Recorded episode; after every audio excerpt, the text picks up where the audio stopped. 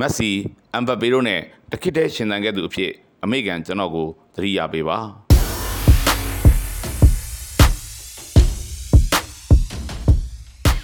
ခရိုင်ရုပ်ရှင်ဇာတ်ကားရဲ့ဇာတ်သိမ်းကမှာ Odysseus အဖြစ်တည်ဆောင်ခဲ့တဲ့ရှောင်းပင်းကစကားတစ်ခုပြောခဲ့ပါတယ်ကျွန်တော်ဟာသူရဲကောင်းတွေနဲ့တခစ်တဲ့မွေးဖွားရှင်သန်ခွင့်ရရှိခဲ့ပါတယ်သူတို့ရဲ့နာမည်တွေကထာဝရရှင်သန်နေမဲ့နာမည်တွေပါမြင်းတွေကိုလိမ္မာရင်ကြည့်အောင်မွေးမြူတတ်သူမင်းသားဟတ်တာ ရန်သူကိုမဆုံးမနစ်ရှင်မုံပြပြီးအနိုင်ရကျင်စိတ်အမြဲပဲပြင်းပြနေတဲ့သူရဲကောင်းအာခီလစ်တို့နဲ့အတူကျွန်တော်ကတခစ်သေးရက်တီခွင့်ရခဲ့သူပါ။တနေ့နေ့ရောက်ရင်သူတို့ရဲ့နာမည်တွေကရှင်းသန်ကြံ့ရစ်ခဲ့ပြီးကျွန်တော်ရဲ့အမည်နာမကိုတော့ခမားတို့တွေမေ့သွားပါလိမ့်မယ်။ဒါပေမဲ့အာခီလစ်ဟတ်တာဆိုတဲ့နာမည်တွေကိုသတိရမိတိုင်းမှာသူတို့နဲ့တခစ်သေးရှင်သန်ခွင့်ရခဲ့သူ Odysseus လည်းရှိခဲ့တာကိုခဏလောက်ဖြစ်ဖြစ်သတိရပြီးရင်ရှင်းတတ်ပါပြီဆိုတဲ့စကားပါပဲ။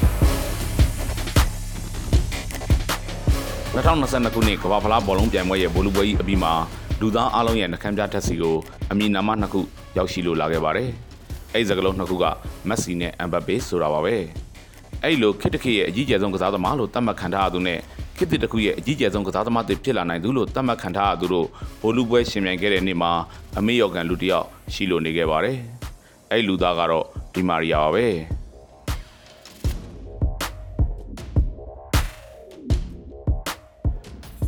ဒီမာရီယာဟာမက်ဆီအတွက်အကောင်းဆုံးတငယ်ချင်းအကောင်းဆုံးရဲဘော်ရဲဘက်ဖြစ်ခဲ့သူပါအားလုံးကအသက်အရွယ်အရ2022ခုနှစ်ကမ္ဘာဖလားပြိုင်ပွဲဟာဘယ်သူတွေအတွက်နောက်ဆုံးရှင်ပြိုင်ကစားခွင့်ရတဲ့ကမ္ဘာဖလားပြိုင်ပွဲဆိုပြီးရေပက်မဝင်ပြောခဲ့ကြပေမဲ့ဒီပြိုင်ပွဲဟာဒီမာရီယာအတွက်လည်းနောက်ဆုံးကမ္ဘာဖလားပြိုင်ပွဲဖြစ်နေတယ်ဆိုတာကိုမေ့လျော့နေခဲ့ကြပါတယ်ဒီမာရီယာဟာအာဂျင်တီးနားအတွက်အရာအလုံးကိုပေးဆက်ဖို့အသင့်ဖြစ်နေခဲ့သူပါ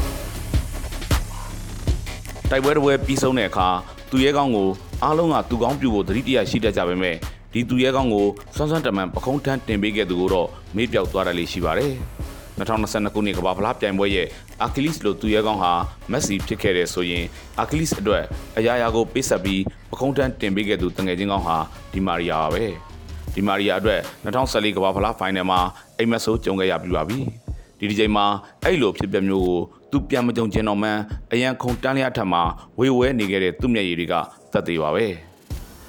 2014ကမ္ဘာဖလားပိုလူပွဲကစားဖို့ပြင်ဆင်နေချိန်မှာဒီမာရီယာကကြွက်သားဒဏ်ရာရရှိထားခဲ့ပါတယ်သူဟာဖိုင်နယ်ကိုအရန်မဲ့ဝင်ကစားကျင်နေခဲ့တာပါဒီမာရီယာကအဲ့ဒဏ်ရာကိုကွာတာဖိုင်နယ်ပွဲစဉ်မှာရရှိခဲ့တာဖြစ်ပါတယ်ဒါပေမဲ့ဖိုင်နယ်ပွဲမတိုင်ခင်မှာရီယယ်မက်ဒရစ်အသင်းကအာဂျင်တီးနားအသင်းစီကိုစာပို့ခဲ့ပါတယ် အဲ့ဒါကတော့ဖိုင်နယ်ပွဲမှာဒီမာရီယာကိုထည့်မကစားဖို့ပါပဲ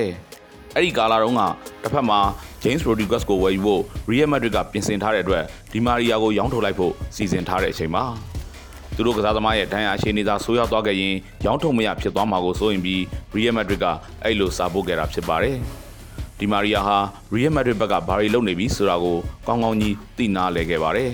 အဲ့ဒါကြောင့်လဲအာဂျင်တီးနားလက်ရွေးစင်သင်းနီးပြဆာဗယ်လာစီကိုတွားအောင်ပြီးစကားပြောကြည့်ခဲ့ပါသေးတယ် သူ့ရဲ့ဒဏ်ရာနာကျင်မှုတွေတက်တာစေဖို့အတွက်စေထိုးကူတာမှုတွေခံယူပြီးကမ္ဘာဖလားဘိုလ်လူပွဲပါဝင်ကစားခွင့်ရနိုင်စေဖို့မျှော်လင့်ချက်ကလေးကိုဖန်ဆုပ်ရင်းနီးပြဆာဗယ်လာစီကိုဒီမာရီယာကတောက်ခဲ့တာပါကျွန်တော်တို့နိုင်ငံအတွက်ကျွန်တော်ကမ္ဘာဖလားယူပေးခြင်းနဲ့ကျွန်တော်ခြေတော့ကျိုးသွားပါစေဒီဘိုလ်လူပွဲကိုကျွန်တော်ဝန်ခံပေးခြင်းနဲ့လို့ဒီမာရီယာကနီးပြဆာဗယ်လာကိုပြောခဲ့ပါတယ်ဒါပေမဲ့ပွဲထွက်လူစင်းမှာဒီမာရီယာပါဝင်ခွင့်မရရှိခဲ့ပါဘူး သူ့နေရာမှာနီးပြဆာဗယ်လာကအန်ဆိုပီရက်စ်ကိုထည့်သွင်းနေရပေးလိုက်ပါတယ်ဒါတော့မှဒီမာရီယာဟာစိတ်အားမလျှော့ခဲ့ပါဘူးအရန်အဖြစ်သူ့ကိုထည့်သွင်းရင်ဝင်ကစားပေးနိုင်အောင်ဆိုပြီးဒဏ်ရာကိုစေးထိုးကုသမှုခံယူကအသင့်အနေထားနဲ့ရှိနေပေးခဲ့တာပါဒါပေမဲ့ပွဲကိုသူ့ဝင်မကန်လိုက်ရပါဘူးဆုံးသက်မှာအာဂျင်တီးနာအသင်းရှုံးနိမ့်သွားခဲ့ပါတယ်သူလည်းမျက်ရည်ကျခဲ့ရပါတယ်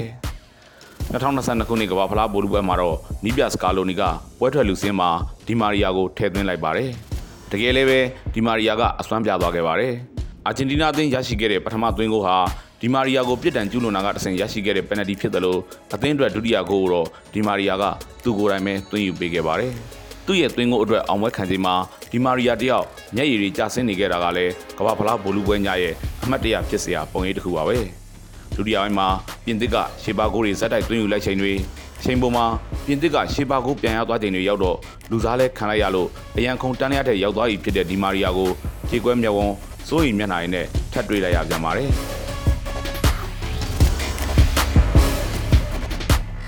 2014ကမ္ဘာဖလားဘောလုံးပွဲတုန်းကကန်ဂျမာဆိုးဟာငါစီကိုအစိုးကြော်တန်တဲ့အဖြစ်နဲ့တခါပြန်လဲရောက်လာလေတော့မလားလို့ပူပန်နေတာတွေကိုဒီမာရီယာရဲ့မျက်နှာအမူအရာတွေကသက်သေခံနေပြီးသားပါပဲ ဇနီးတဲ့ဖြစ်သူကိုဒီညမှာကိုဂိုးလဲရအောင်သွင်းမယ်ချန်ပီယံဆူဖလားနဲ့အတူအိမ်ပြန်ကြမယ်လို့ပြောခဲ့တဲ့စကားအကောင့်ထဲမပေါ်နိုင်တော့ဘူးလားလို့ဝမ်းနဲ့နေတာတွေလည်းပါဝင်နေခဲ့တာပေါ့လေ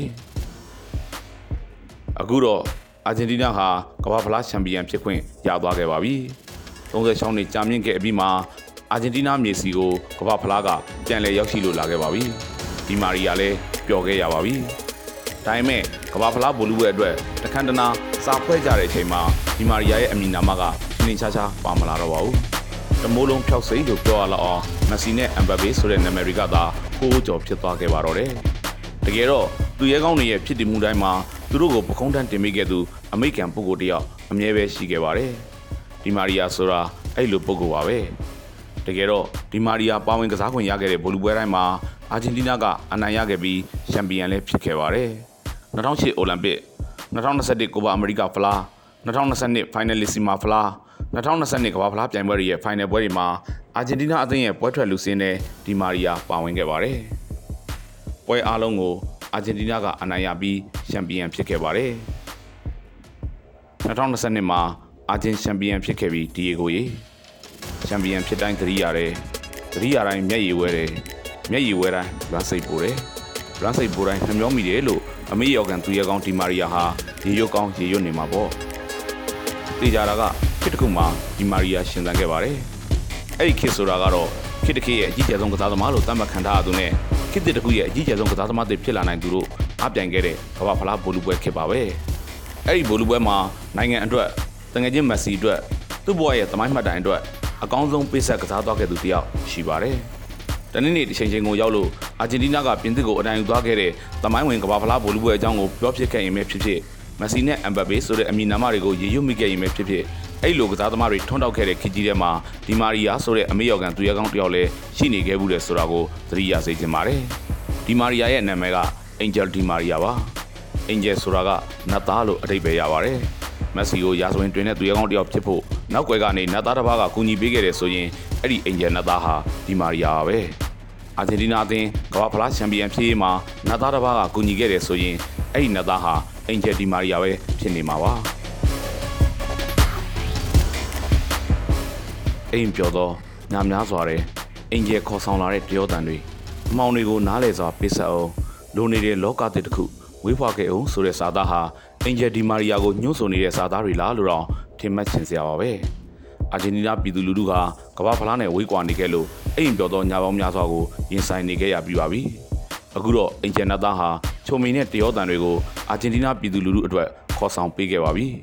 အမောင်တွေထဲမှာနားလည်စွာပေးဆက်ခဲ့သူတွေအတွက်လိုနေတဲ့လောကတစ်ကိုအင်ဂျင်နတ်သားကဖန်ဆင်းပေးခဲ့ပါပြီ။တငယ်ချင်းကြီးကိုလည်းအမြင့်တကအမြင့်ဆုံးစီပကုံးထမ်းပြီးအင်ဂျင်နတ်သားကပို့ဆောင်ပေးလိုက်ပါပြီ။ဘဝစီယာတောင်းချစ်ပွန်ဆောင်ရွက်ခဲ့သူဟာဒီဆုံးကိုဆန်းကပြန်လာခဲ့ပါပြီ။ဟုတ်ပါတယ်။သူဟာတမိုင်းဝင်အောင်ပွဲတွေကတောင်းဝန်ချစ်ပွန်သူအမေယောကန်လူသားပါ။သူ့နာမည်ကိုအင်ဂျယ်ဒီမာရီယာလို့ခေါ်ပါတယ်။